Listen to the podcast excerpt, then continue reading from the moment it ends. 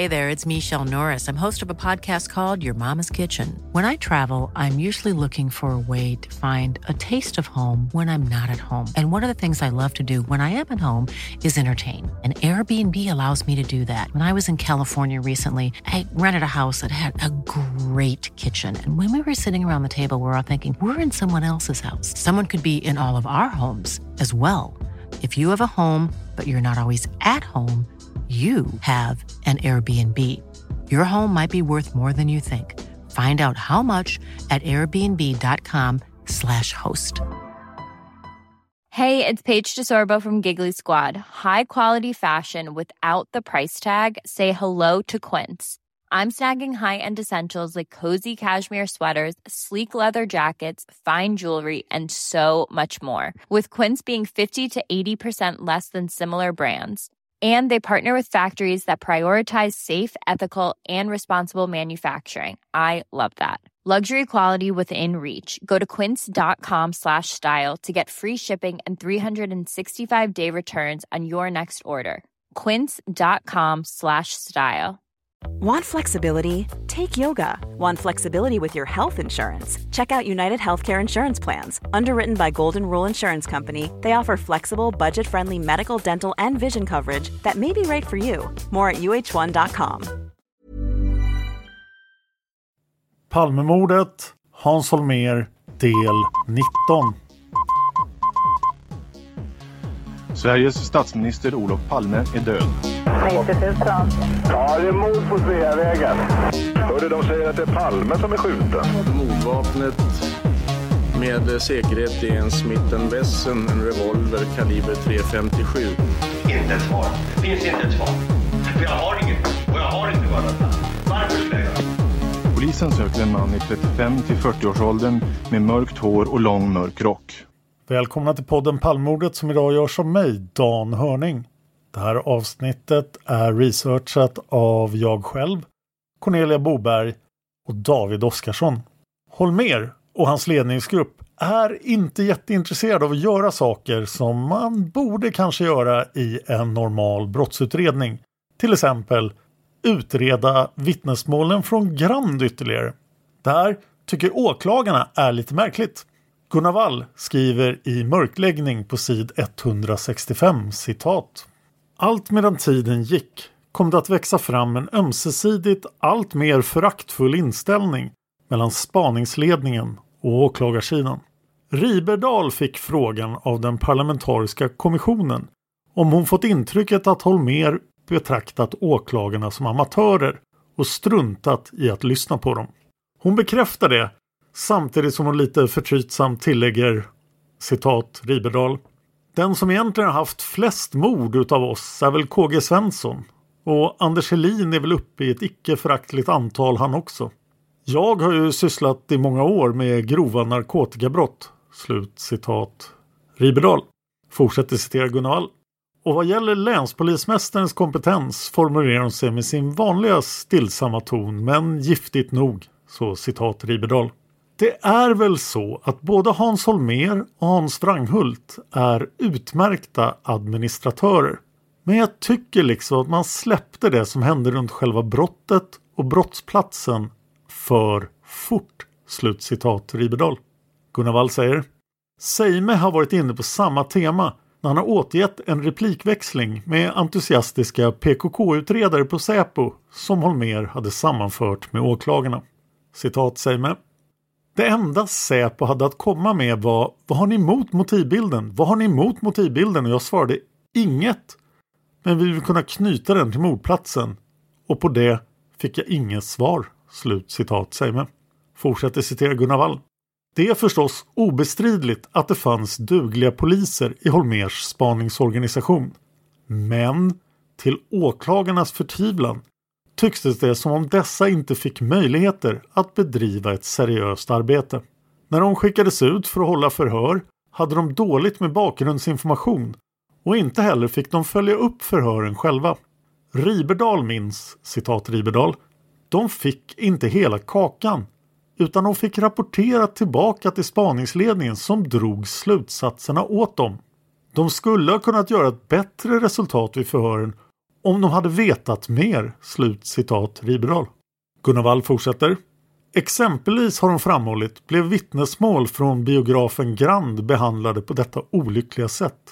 Och just Grand-avsnittet har varit en hjärtesak för Riberdahl i stort sett från den dag hon började arbeta med utredningen.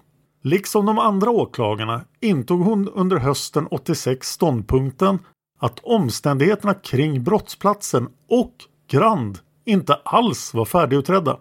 Och att det måste göras för att ställa mordspaningarna på rätt köl. Om man utgick från vad vittnen sett på dessa platser fanns det möjligheter att söka sig fram till en gärningsman, menade åklagarna. Slut citat Gunnar Wall i mörkläggning. Men Grand var inte särskilt intressant för Hans Holmér. Istället fokuserade Hans Holmér till exempel på den turkiska mässan på Sheraton den 25 september. I ledningsgruppens mötesprotokoll från den 22 september kan man läsa följande citat. Hans Holmér upplyser att han har fått polisens planläggning avseende bevakningen av turkiska mässan. Turkiska gästerna, nio personer, kommer att vara i Stockholm under tiden den 24 till 28 september. Totalt kommer det vara cirka 100 gäster på seminariet. SÄK kommer att svara för den inre kontrollen, SPAN har hotellbevakningen. Hans Holmér anser att det är viktigt att SPAN håller ganska mycket folk i samband med seminariet. Hans Holmér har också hittat turkiskt sprängämne i Hamburg. Från samma protokoll kan man läsa citat. Anträffat sprängämne med mera på centralstationen i Hamburg. Holmér upplyser att det i samband med anträffande av sprängämne med mera på centralstationen i Hamburg även anträffades en anteckningslapp skriven på turkiska. Skriften var riktad till kurdiska frihetskämpar som skulle utföra dådet. Skriften avslutas med följande citatskriften. Efter aktionen, ring upp tidningarna och meddela följande text. Hämnd har tagits för vårt förtryckta kurdiska folk. Aktionerna kommer att fortsätta. Slut citat lappen. Fortsätter citera mötesprotokollet. Holmer påpekar att PKK inte tidigare har tagit sig på någonting. De har aldrig gått ut med något offentligt meddelande. Holmer påpekar man kan undra om det var samma sak som man gjorde i samband med Palmemordet då man ringde Expressen och sa att det var Kurdistans frihet. I inget av fallen har man sagt att det var PKK som utfört dåden. I samma protokoll kan man läsa att Jangstad upplyser att laddningsaggregaten till mobiltelefonerna är felaktiga och i morgon eftermiddag kommer aggregaten att bytas ut. Det går inte så bra för ledningsgruppens telefoner. Istället för Grand så är Holmer också intresserad av ett lakan på DN-huset. I mötesprotokollet från den 23 september kan man läsa citat Granqvist visar en skiss av ett vitt lakan med tre röda stavar på. Det aktuella lakanet hängde på DN-husets 25 våning på utsidan den 19 september. DN har vänt sig till SÄK eftersom de är rädda för någon form av attentat. Det är okänt vad symbolerna på lakanet betyder." Slutcitat. Man kan ju undra vem som lyckas hänga upp ett lakan på DN-husets 25 våning. Det pratas också massor om PKK i de här protokollen givetvis. Där kan man läsa bland annat att PKK har betraktat Sverige, Frankrike, USA och Västtyskland som fiender. Plus att PKK var besvikna på Västtyskland 84 och det var därför som han ville flytta sitt högkvarter från Tyskland till Sverige. Den 23 september berättar också Vangstad, som han heter nu, det heter han förstås, de hade stavat det fel i förra protokollet, att eh, Ericsson-mobilerna nu blev klara med laddningsaggregaten och de kommer levereras i samband med 10-mötet imorgon. Och mycket riktigt, på mötet den 24 september så berättar Vangstad att byte av laddningsaggregaten till Ericssons mobiltelefoner kan ske efter mötet. En artikel har publicerats i Expressen som diskuteras på mötet. Artikeln handlar bland annat om polisen och överåklagare Seimes syn på fantombilden. Hallberg, en av poliserna, säger att fantombilden fortfarande gäller medan Seime säger att den inte gör det. Holmer berör kritiken mot polisen, bland annat rörande fantombilden och kurderna. Den 24 september har Vangstad också upptäckt att man måste ha koder till mobilerna han upplyser om att Ericsson har kopplat om sina transformatorer så att telefonerna fungerar. Och från Mobira har koderna kommit. Den 25 september kan man eh, läsa att Säpo hade 12 till 15 man vid den turkiska mässan och det finns inga tecken på att PKK har varit på mässan under dagen. Den 26 lyckas de gräva fram en kurd som har rest in i landet med felaktigt namn. I protokollet från den 29 september kan man läsa följande citat. Barling redogör för PM 1986-09-26. Promemorian tar sikte på de personer som är aktuella för utvisning. Promemorian omfattar cirka 90 procent av de personer som kan bli aktuella för utvisning enligt Barling. De som ligger i grupp 2 kan också vara belastade men det kan vara så att SÄK inte har några informationer på dessa personer sedan 1984 och därför är dessa personer fortfarande oklara, upplyser Barling. Barling påpekar att SÄK kommer att gå in mycket djupare med detaljuppgifter vid ett senare tillfälle. Slutcitat. Det här är alltså folk som ska utvisas då efter framgången med Operation Alfa. Också från protokollet den 29 september. Citat. Tänkbara revolvermän. Hans Holmér påpekar att vi måste få fram ett antal tänkbara revolvermän från persongalleriet. Holmér anser att några bör jobba med att få fram tänkbara revolvermän. Riberdal påpekar att det i grandavsnittet finns en hel del att gå på. Slutcitat. Ingen verkar bry sig om vad hon säger. I samma protokoll upplyser också Holmér om att Mårten Palme såg mördaren utanför biografen Grand. Det blir oktober 1986. Granskningskommissionen säger citat. Sedan hösten 1986 hade en polisintendent som knutits till spaningsledningen haft i uppdrag att planera organisationen för den kommande operationen. I början av september hade organisationen börjat ta form och cirka 240 poliser hade indelats i förhörs, tillslags, tekniker och specialstyrkor. Under hela förberedelsefasen hade tillslaget fortlöpande diskuterats av polisledningen och åklagarna. Polisens ursprungliga förteckning över objekt som måste höras, borde höras och kunde höras upptog 138 personer. I början av oktober 1986 omfattade listan 98 namn. Slut citat. I början av oktober visade Holmer upp listan på alla misstänkta PKK-are för Åsheden i de här DN-intervjuerna som ni kan höra om på P3 Dokumentär. Hans Holmér berättar att listan innefattar 108 personer i bokstavsordning. Både Ismet C och Halis I står med. Hans Holmér menar att båda kan ha varit inblandade i planeringen för mordet på Palme även fast de har alibi för mordnatten. Solveig Riberdahl säger följande i P3 Dokumentär om Operation Alfa citat. Att kalla det då för Operation Alfa, själva benämningen får mig att tänka på någon slags militäroperation och inte på ett tillslag som man gör för att utreda ett brott, hur viktigt och stort det än är. Det är liksom andra förtecken. Det var svårt att se hur de enskilda personerna hörde hemma i den här utredningen överhuvudtaget. Slut citat. Gunnar Wall säger i mörkläggning på sid 68 citat men om våren 1986 präglades av underlåtenhetssynder när det gällde att samla in fakta blev hösten samma år den period då den stora majoriteten av de viktigaste spaningsuppslagen som ändå strömmat in lämnades åt sitt öde.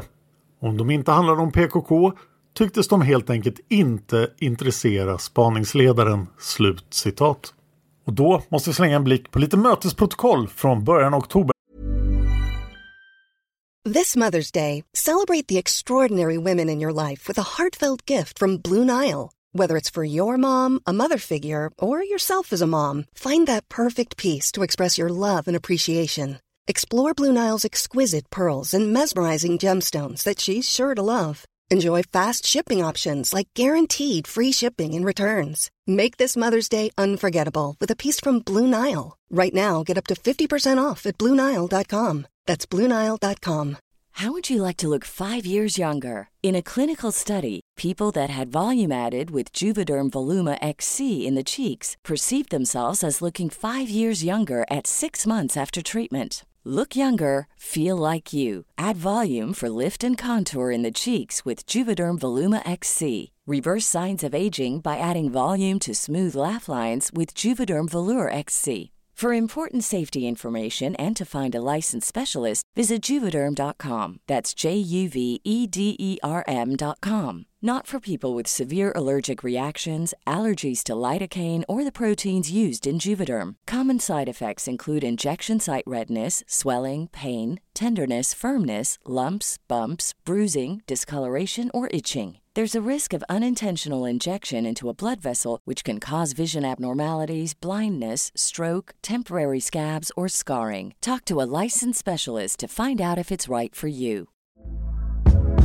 Hey there, it's Michelle Norris. I'm host of a podcast called Your Mama's Kitchen. When I travel, I'm usually looking for a way to find a taste of home when I'm not at home. And one of the things I love to do when I am at home is entertain. And Airbnb allows me to do that. When I was in California recently, I rented a house that had a great kitchen. And when we were sitting around the table, we're all thinking, we're in someone else's house. Someone could be in all of our homes as well.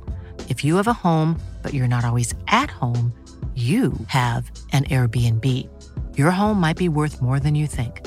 Find out how much at airbnb.com/slash host. PKK, PKK, kurder, PKK. I protokollet från den 2 oktober kan man läsa citat Vangstad undrar om det är nödvändigt att utföra husransakan i samband med gripanden. Han undrar om det inte räcker med att säkra aktuella lokaler till att börja med. Diskussion om vikten att utföra husrannsakan i samband med aktuella gripanden. Lange påpekar att det är viktigt att personerna som ska utföra förrättningarna är informerade om ärendet för att undvika misstag. Diskussion om risken att sekretessen avtar vid inkoppling av ytterligare personal. Hans Holmér anser att det är en risk som vi måste ta.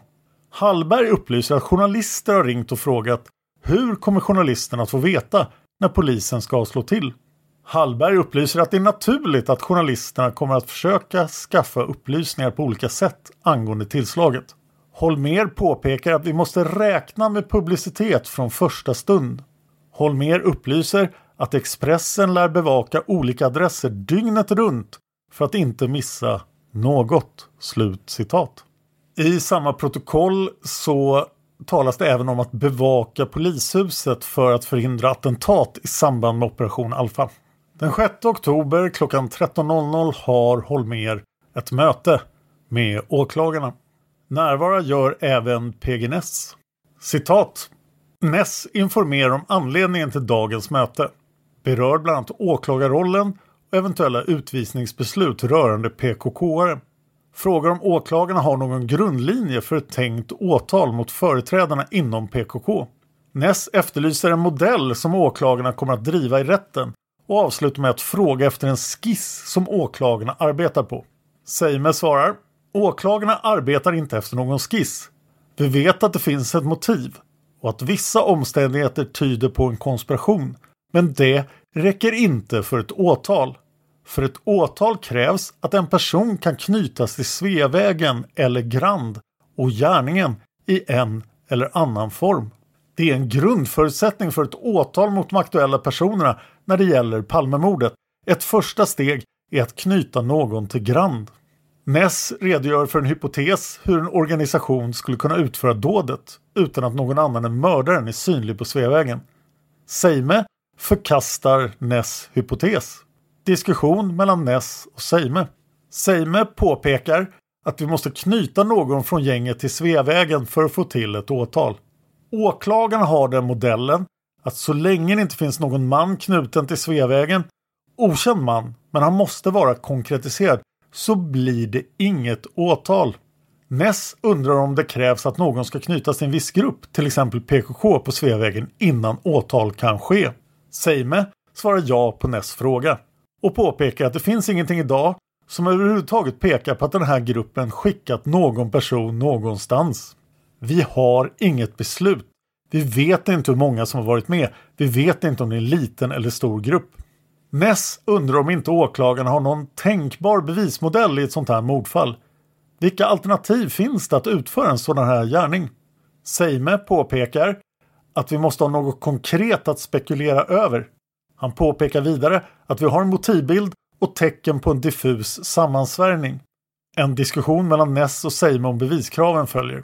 Ness redovisar exempel på bevis. Han lämnar bland annat telefonsamtal.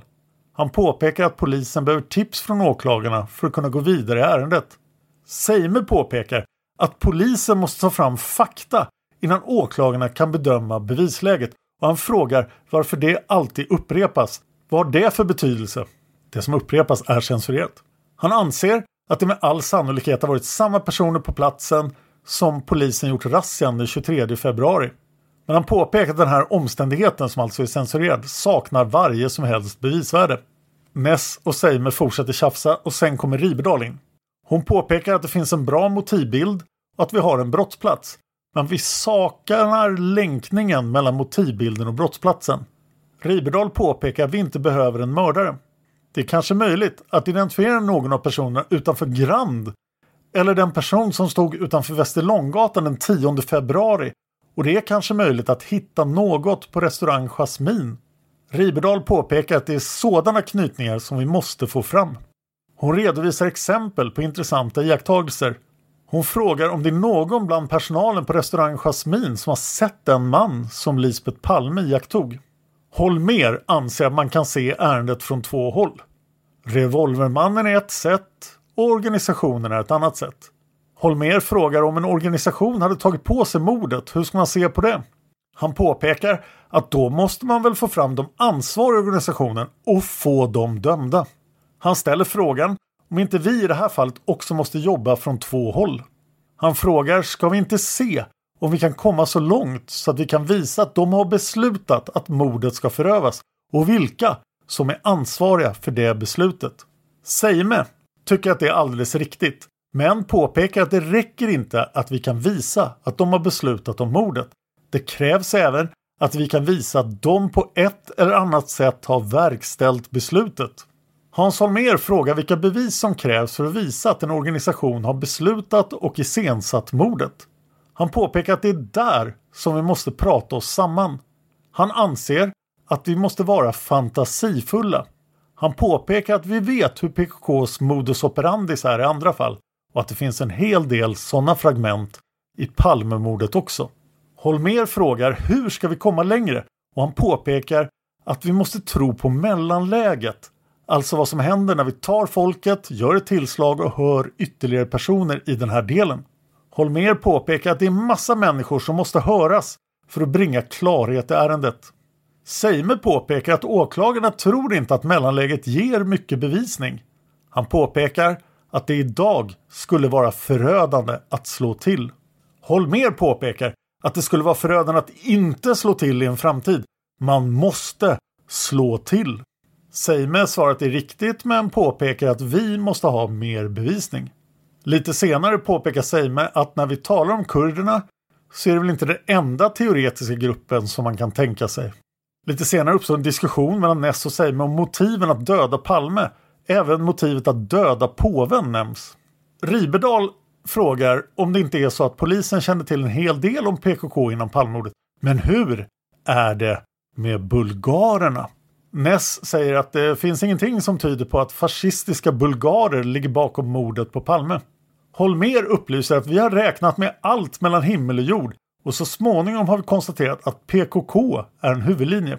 Vi bearbetar andra spår också, påpekar Hans Holmer, men det är viktigt att vi är överens om att PKK är en huvudlinje. Seime upplyser att han är överens om det, men påpekar att vi måste jobba med annat också. Holmer påpekar att vi inte har någon som helst anledning att hålla oss till PKK för att vi har fått en inbildning om att det är PKK. Han påpekar att vi har gjort den bedömningen att PKK är en huvudlinje och därför måste vi koncentrera alla resurser i första hand på den linjen. Holmer ställer frågan Vad krävs det i mönstret omkring PKK för att vi ska kunna säga att organisationen eller några i organisationen har beslutat om det här mordet? Seime svarar Vi måste bevisa vem som har varit med och beslutat om mordet. Vi måste ha en individ. Seime påpekar att vi måste klargöra vem eller vilka som fattade beslutet. Holmer påpekar att det är värdefullt i bevisprocessen att känna till vad åklagarna fäster för avseende på olika saker.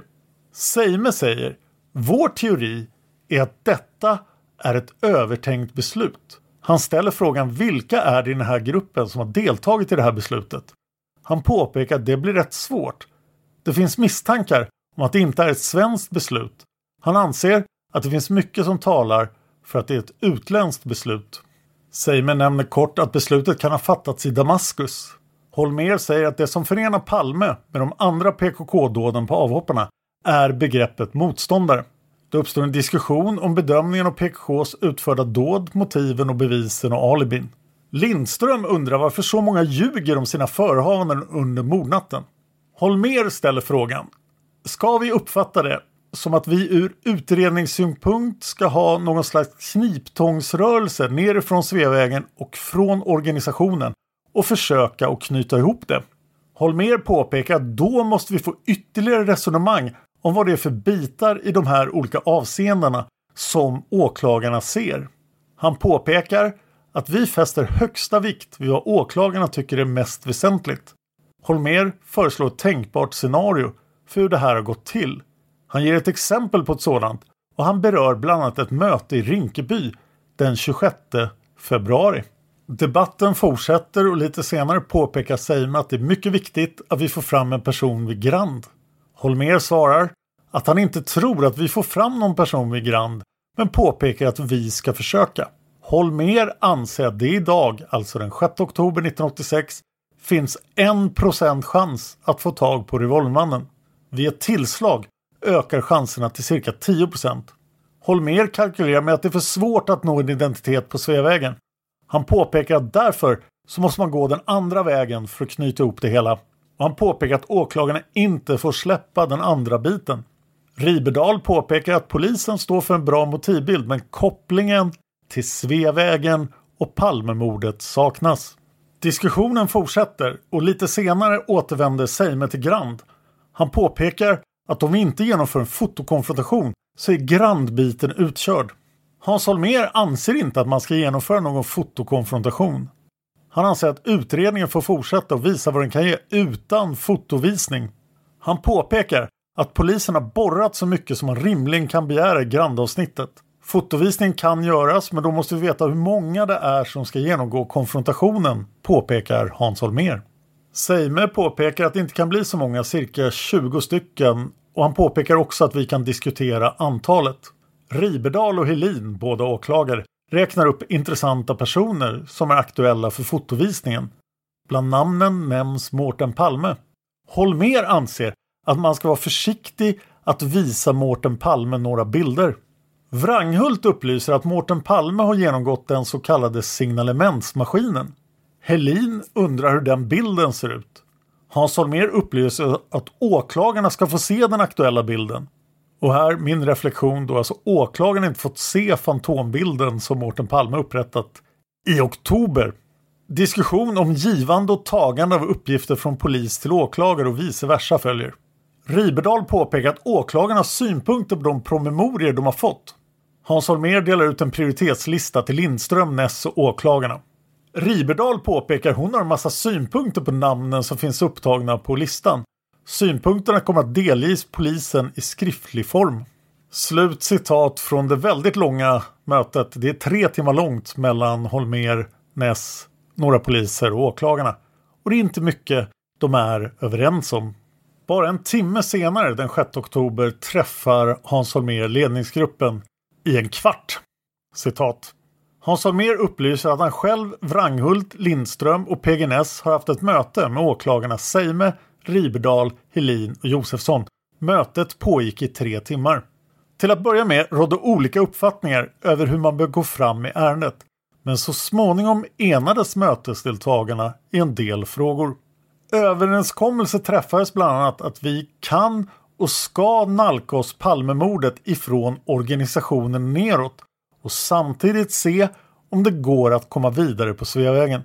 Åklagarna är inte längre så låsta beträffande ytterligare konfrontationer i Sveavägsavsnittet. En del fotokonfrontationer vill åklagarna göra men det verkar inte vara lika hett som tidigare. Åklagarna kommer nu att reagera på polisens skriftliga material i form utav synpunkter och sammanfattande kommentarer om olika personer. Det kommer att ske i skriftlig form. Hans Holmér begärde skriftlig form på grund av ärendets omfattning. Nästa åklagarmöte äger rum hos Seime på fredag klockan 13. Under dagens möte träffades överenskommelse att Holmer, Wranghult, Lindström och PGNS skulle träffas på fredag och teckna ner hur polisen bedömer hur mordet på Palme kan ha iscensatts från början och framåt. Åklagarna önskar ett sådant scenario." Slut citat.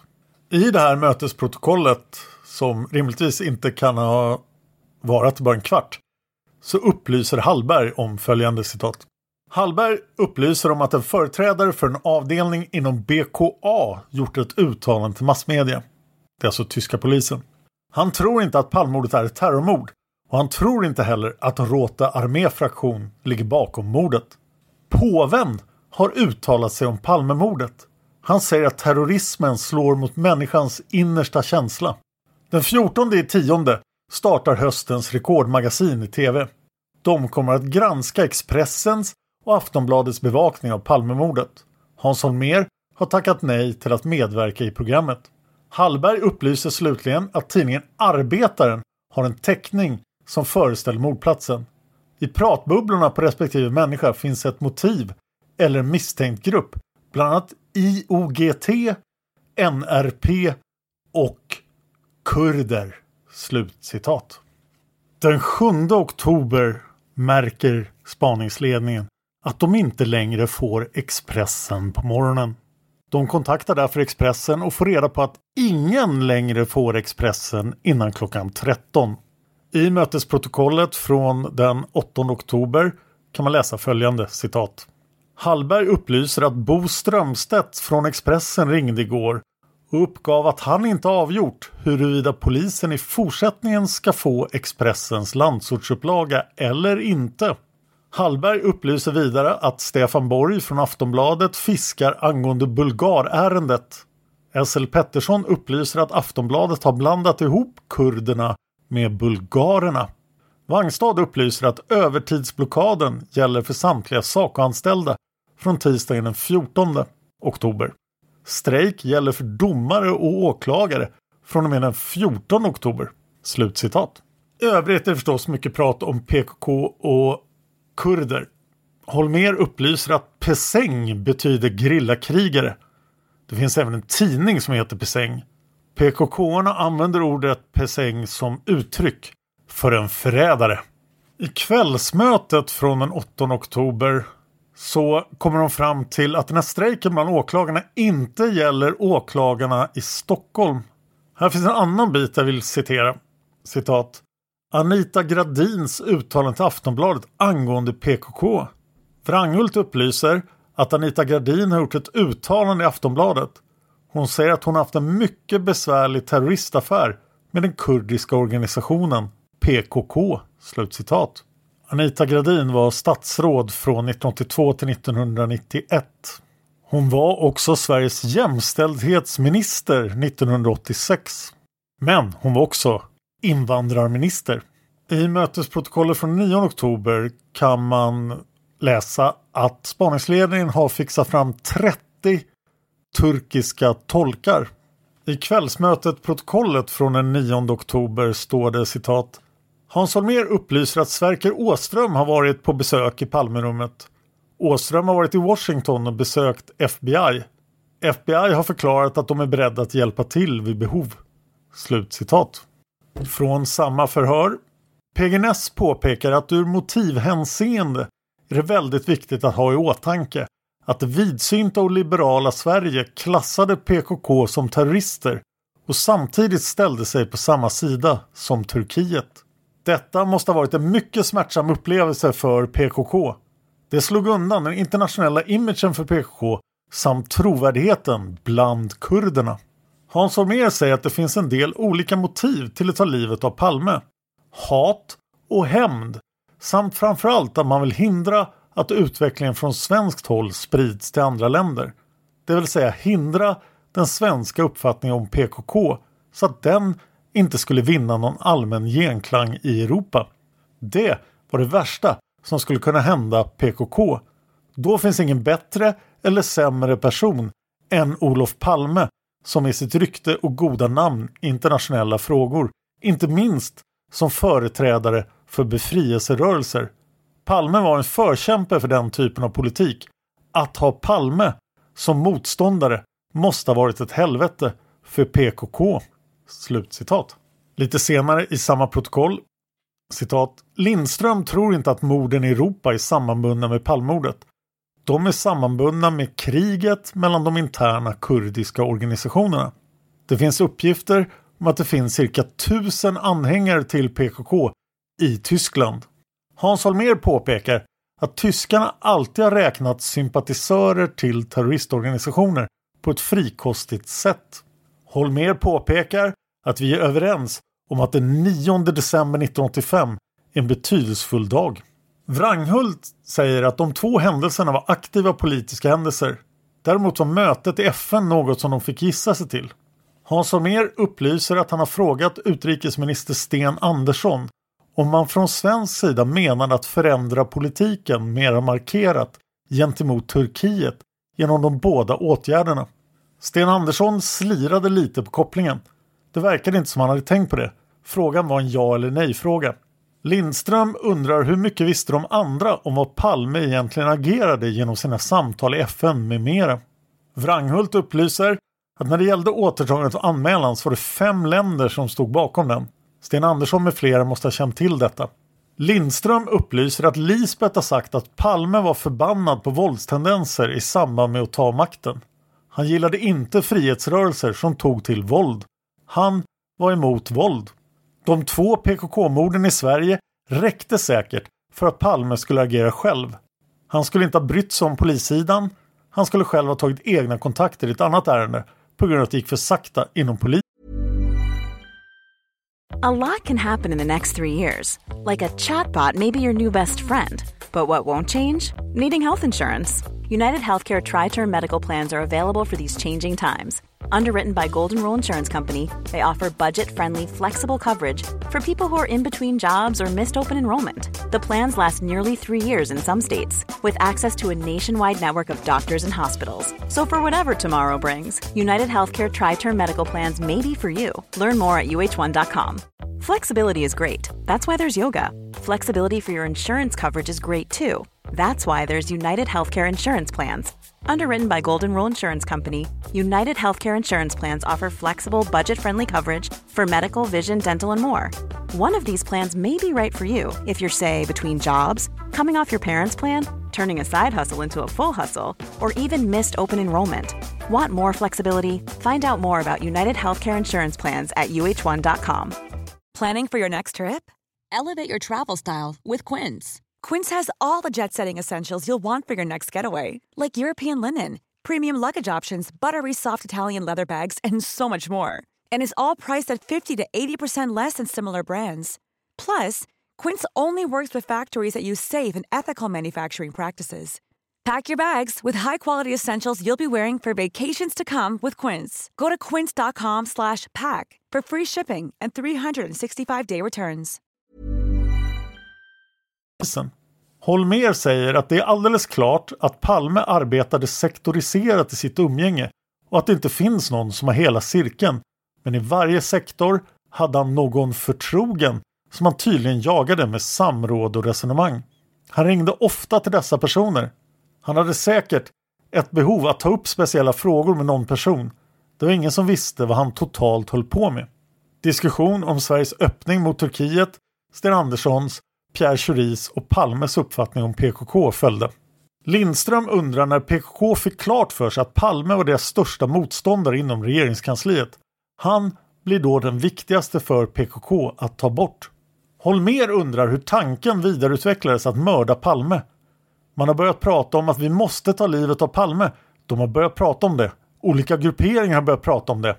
En bit är censurerad sen säger PG Ness att han tror att detta är väldigt viktigt.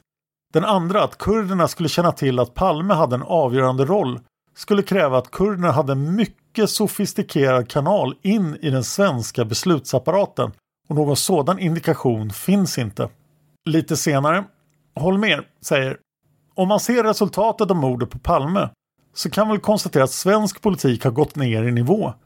Kan man tillvita PKK den analysförmågan att om vi tar bort Palme så kommer Sverige att gå ner på halvfart? Lindström svarar det tror jag inte. Däremot har de klart för sig att Palme som person har stoppat dem och därför kan bedömningen varit att skjuter vi Palme så finns det ingen annan som jobbar mot oss.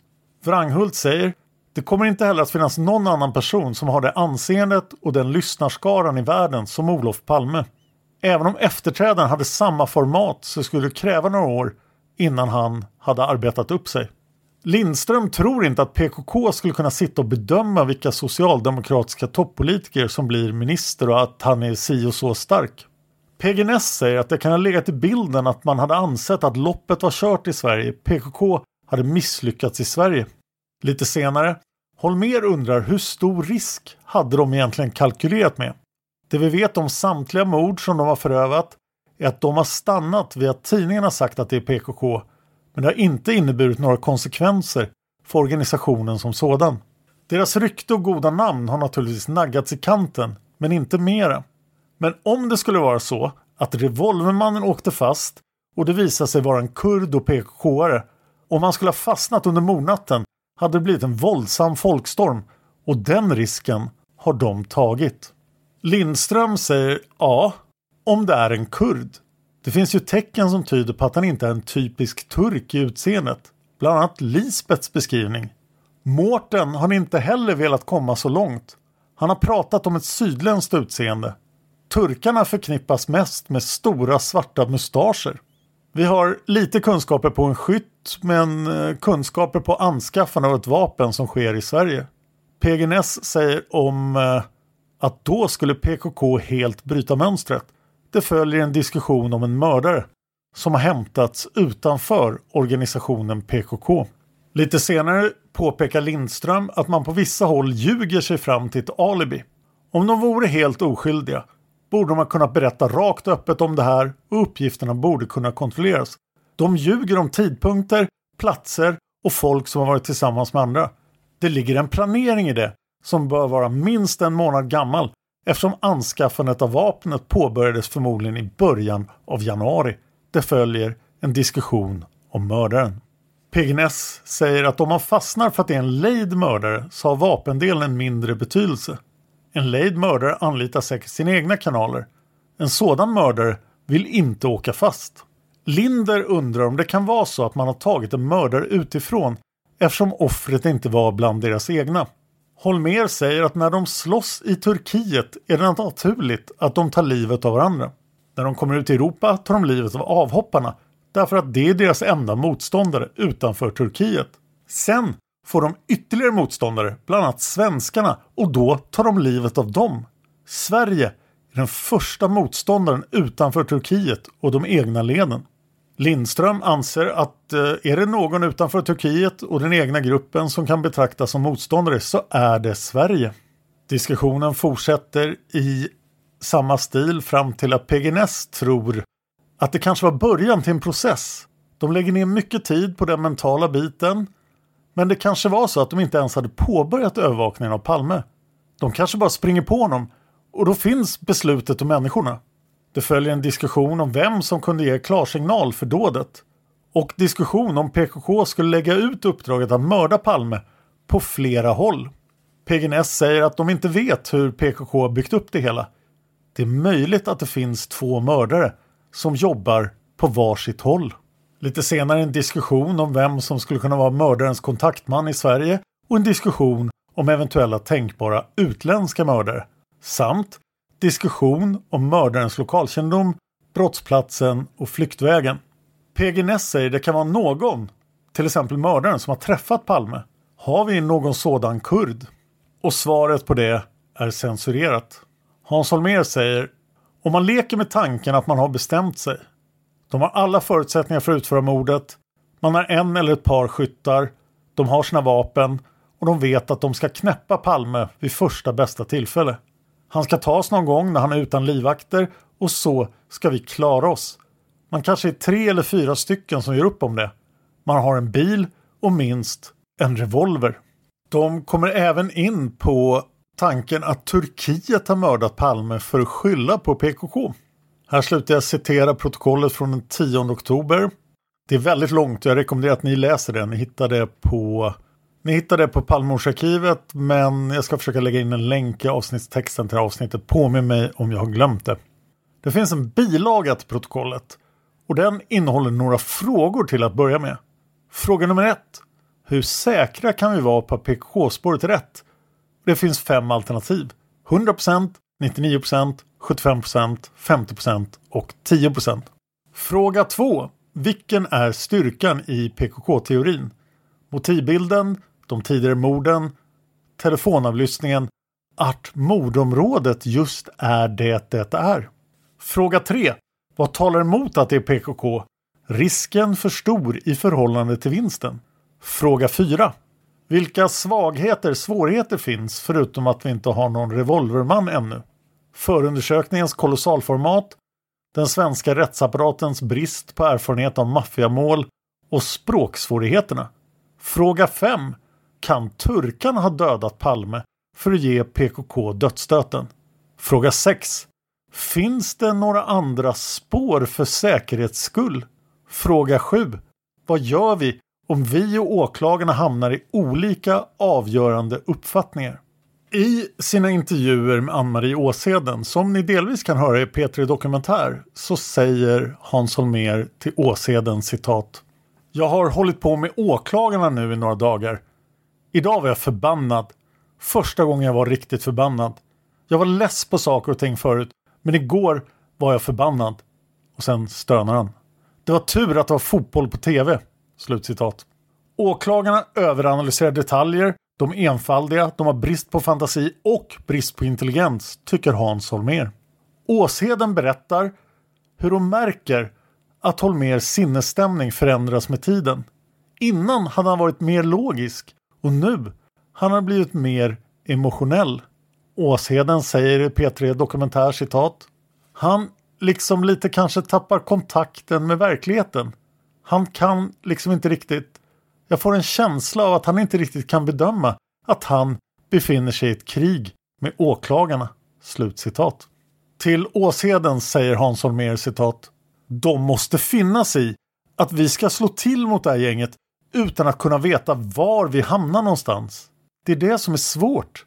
Därför att vi kommer inte att ha gärningsmannen på papper när vi slår till. Vi ska möjligen få honom genom tillslaget på olika sätt. Slutcitat. Holmer berättar samtidigt att han inte har någon förhoppning om att hitta gärningsmannen innan tillslaget. Och han säger att åklagarna bara tjatar om att komma ner på Sveavägen. Jag finns på Twitter, Youtube och Instagram. Jag heter Dan Hörning, så jag är lätt att hitta. Följ mig gärna där, så kan ni följa alla mina poddar. Jag vill nämna att vi gör en serie i min podd Olösta mord om ett av Sveriges största försvinnanden. Det är Viola Widegrens försvinnande från 1948. Vi gör hela 15 avsnitt om det i Olösta mord. Och vi har haft tillgång till en privatspanares hela livsverk plus förhörsprotokoll som jag aldrig tidigare sett i fallet. Så Viola Widegren i Olösta mord pågår just nu. Jag vill tacka Facebookgruppen FUP och övriga handlingar och palmmordsarkivet.se. Där kan ni också se protokollen från spaningsgruppens möten. Jag vill gärna iTunes-recensioner för Palmmordet och alla iTunes-recensioner kommer att läsas upp i podden som ni vet. Du kan kontakta podden Palmmordet på e-mailadressen poddenpalmemordet gmail.com. Tack till alla som sponsrar oss på Patreon. Det är ni som gör att vi kan fortsätta år efter år. Tack till Lukas för musiken. Tack till expertgruppen, vår jurist och researchassistenter. Tack till Cornelia, David och Tobias. Och tack till dig för att du lyssnar på Palmemordet.